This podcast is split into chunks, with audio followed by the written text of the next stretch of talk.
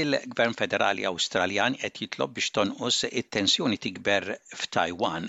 It-tensjonijiet qed ikomplu jikbru fir-reġjun bl-Awstralja u l-Istati Uniti jaħdmu biex jilqgħu għal l-influwenza Ċiniża fil-Paċifiku wara li Beijing iffirma ftehim ta' sikurtà mal-Gżejjer Solomon aktar kmieni din is-sena.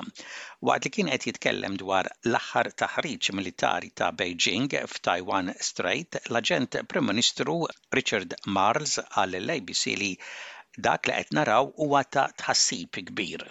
we, we do want to see a de, de escalation, uh, and, and that means um, a, a, more ret a return to a greater sense of peace uh, in, in the region uh, and a greater sense of normality. And, and that's what we're advocating for, but it, uh, you know, it's, what the, it's what the world is advocating for. L-imwiet f'żewġ stati fl-Awstralja reġgħu ġeddu t-talbiet lill-awtoritajiet biex jindirizzaw il-kriżi ta' l-ambulanza fil-pajjiż. Mara fit-Tasmanja mietet waqt li kienet qed tistenna għal sodda f'dipartiment ta' l-emerġenza għal disa' sigħat fl-Isptar Ġenerali ta' Launceston.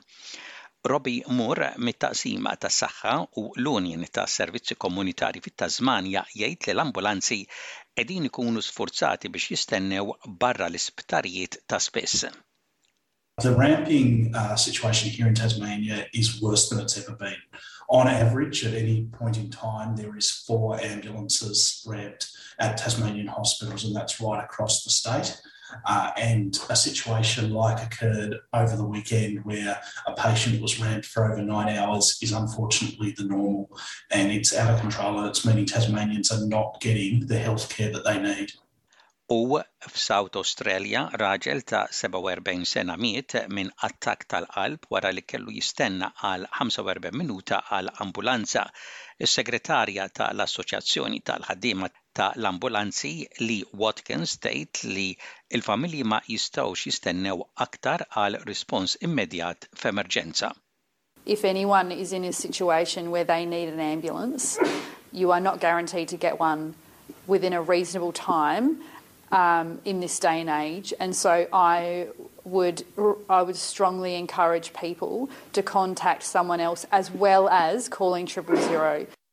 Il-familja tal-kantanta Olivia Newton-John tgħid li aċċettat l-offerta ta' funeral statali għall-kantanta. L-aħbar tal-mewt ta' Olivia Newton-John nikktet lil miljuni ta' nies madwar id-dinja. Hija mietet f'darha fl-Istati Uniti fil-għomor ta' 73 sena. Flinders Street Station f'Melbourne u l-Opera House ta' Sydney inxtegħlu roża b'tifkira tagħha. Iċ-Ċentru ta' Riċerka tal-Kanċer li jġib isimha f'Melbourne jgħid li qed jippjana servizz ta' tifkira għalija. Richard Wilkins, magħruf fuq it-television fil-qasam tal-mużika u d-divertiment, kien ħabib ta' Olivia Newton-John u qal lil SBS li Olivia Newton-John kienet l-aktar persuna popolari Awstraljana fid-dinja. Just that laugh of hers was an just an infectious laugh and the last time I introduced her I described her as the most popular Australian on the planet. And nothing's changed since then to make me change my opinion. it-teżorier ta' New South Wales Matt Keen, inħatar bħala deputat kap tal-Partit Liberali b'vot unanimu tal-partit. Dan wara r-riżenja ta' Steward Ayres il-ġimgħa l-oħra wara l-involviment tiegħu fil-ħatra ta' John Barilaro għal pożizzjoni dwar il-kummerċ ibbażata fi New York. Kien jgħid li qed iħares 'il quddiem għal din il-pożizzjoni ġdida. I'm so humbled to have been endorsed by my colleagues to serve as the Deputy Leader of the New South Wales Liberal Party. I joined the Liberal Party almost 20 years ago, and it's because I believe in its cause and I believe in its values. Its values of individual freedom, enterprise, and opportunity for every single person, regardless of their background, where they live, or who they are. Mil-lum maskri qegħdin jitqassmu b'xejn lin-nies fil-Victoria bħala parti mill-istrateġija tal-Gvern fil-ġlieda kontra l-imxija tal-Covid 19. Aktar minn tlett miljun maskra qegħdin jitqassmu f'postijiet ta' l-ittestjar għal Covid, ċentri tal-kura komunitarja u fuq it-trasport pubbliku fil-ġimgħat li ġejjin. il-Ministru tas-Saħħa fil-Victoria, Maryanne Thomas, qed tħeġġeġ lin-nies biex jieħdu vantaġġ minn din l-inizjattiva tal-Gvern. We'll get the masks out to community health services through our PTV networks, at GP respiratory clinics and indeed at our testing sites and I encourage all Victorians to take advantage of this initiative. Il-Pulizija mill-Iskwadra ta' l-Immigrazzjoni u tal-Komunità f'Malta arrestaw 27 persuna waqt spezzjonijiet u tfittxijiet fil-Marsa. Fi stqarrija hija spjegat li l-ispezzjonijiet twettqu meta kellmu lil diversi nies minn nazzjonijiet differenti u saru wkoll f'numru ta' proprjetajiet fi Triq is-Serkin, Triq il-Ġerrejja u Triq it-Tiġrija.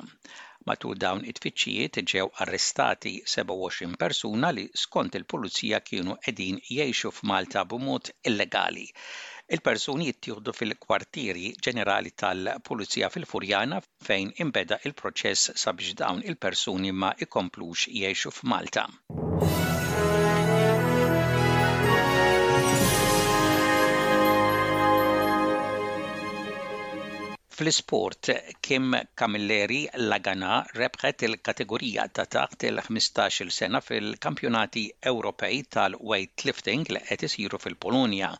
Camilleri La Ganà refgħet 49 kilogramma fil-kategorija Snatch u 65 kilogramma fil-Clean and Jerk għal total ta' 111 il-kilogramma.